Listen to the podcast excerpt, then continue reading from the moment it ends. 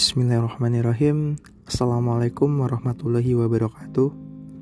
Alhamdulillah Pertama-tama marilah kita panjatkan rasa puja dan syukur kita Atas kehadirat Allah subhanahu wa ta'ala Yang karena rahmat serta hidayahnya Kita masih diberi kesempatan Untuk terus belajar mengenai agama Islam Kedua kalinya selawat serta salam semoga tetap tercurah limpahkan kepada Nabi Muhammad SAW yang telah membawa kita dari zaman kegelapan menuju zaman yang terang benderang yakni agama Islam.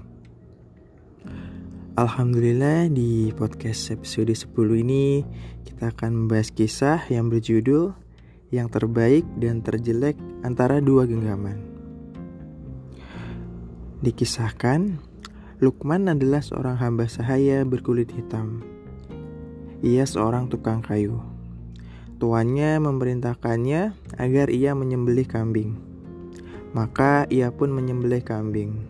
Tuannya berkata, "Berikanlah kepadaku yang terbaik di antara dua genggaman dalam kambing ini."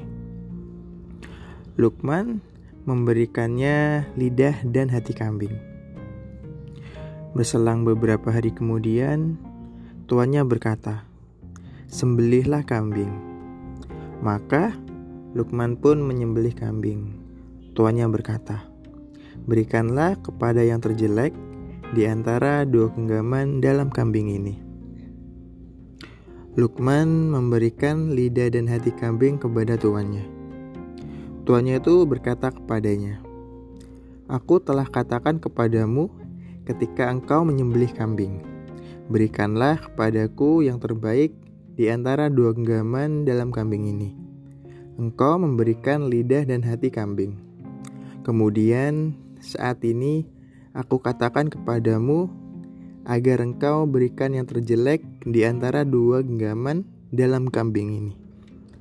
Dan engkau juga memberikan lidah dan hati.